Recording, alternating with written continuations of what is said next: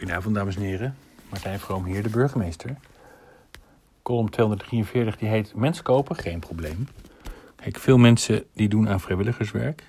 De een helpt mee bij de sportvereniging van de kinderen, de andere verzorgt de kopietjes of geeft training. Het is iets naast je werk waar je hopelijk veel voldoening uit haalt. Nou, ik ben voorzitter van de Nederlandse tak van International Justice Mission. IGM, dat is de grootste anti-slavernijorganisatie ter wereld. Er zijn vandaag de dag nog miljoenen slaven. Meer dan 42 miljoen, maar liefst. En in een flink aantal landen zijn we actief en daar helpen we politie en rechters. Want gek is, overal ter wereld is slavernij verboden, zeker sinds IS verslagen is in Irak.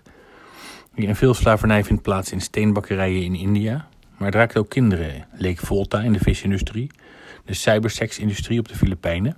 Daar gaat het ook heel erg om de Nederlandse markt. Kinderen van zes maanden tot een paar jaar oud worden misbruikt voor de camera.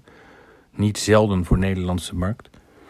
Sinds kort hebben we ook een kantoor in Roemenië. Zelfs lid van de Europese Unie. En je kunt er mensen kopen vanaf een hele jonge leeftijd.